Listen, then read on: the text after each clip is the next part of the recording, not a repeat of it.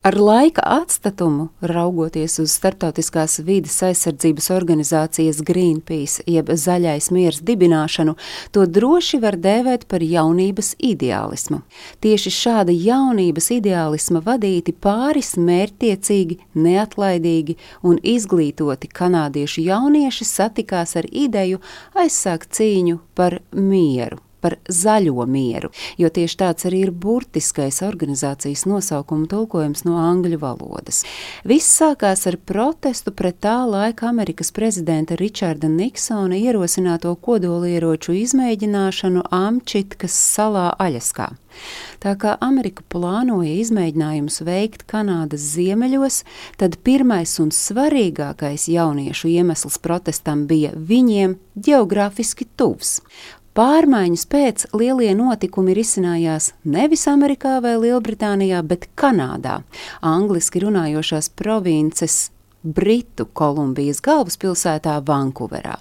Tieši tur 1971. gadā dzima pasaulē visaktīvākā vides aizsardzības organizācija. Lai arī runājot par pirmajiem aktīvistiem, mēdz piesaukt jaunības maksimālismu un ideālus, tas tomēr nebija spontāns un vien emocijās balstīts lēmums, kas lika spērt šo neparasto soli. Aktīvisti bija zinoši, izglītoti ļaudis, turklāt viņi jau vairākus gadus bija sekojuši līdzi notikumiem vides jomā. Lielākā daļa no viņiem jau bija piedalījusies protestos un akcijās. Viens no grupas bija jauns Vankūveras žurnālists Roberts Hunters, kurš par videi sāpīgo tematu, amerikāņu kodola izmēģinājumiem, rakstīja jau kopš 1969. gada. Laikrakstā Vankūver Sun viņš tēlaini aprakstīja, kā amerikāņu atombumbas atstāja zemē milzu caurumus, tādējādi radot nevienam nezināmas un neprognozējamas sekas planētai.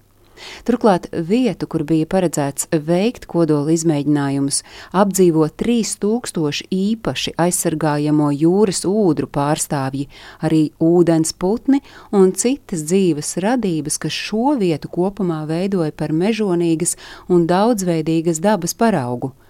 Pastāvēja bažas, ka kodolsprādzienu testu rezultātā izpostītas tiks ne tikai dabas bagātības, bet sprādzienu postījumi ietekmēs jau tā zemestrīcēm labvēlīgo, tāpēc trauslo vietu, kas savukārt radīs sekas vietējiem iedzīvotājiem ilgtermiņā.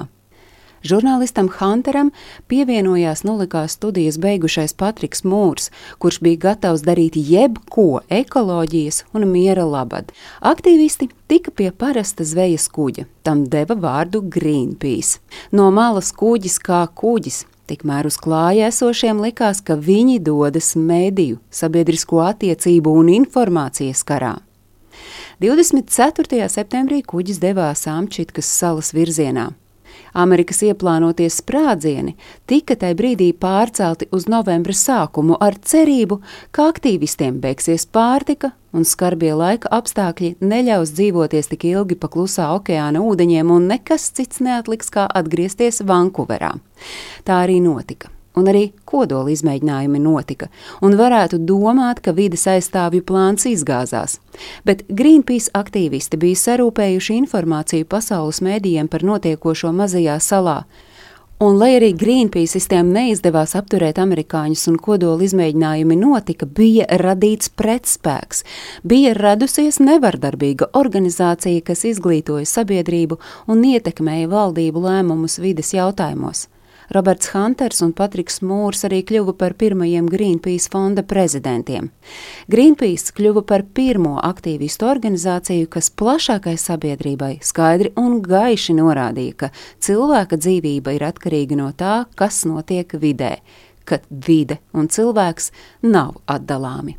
Stāstīja Agnese Drunka.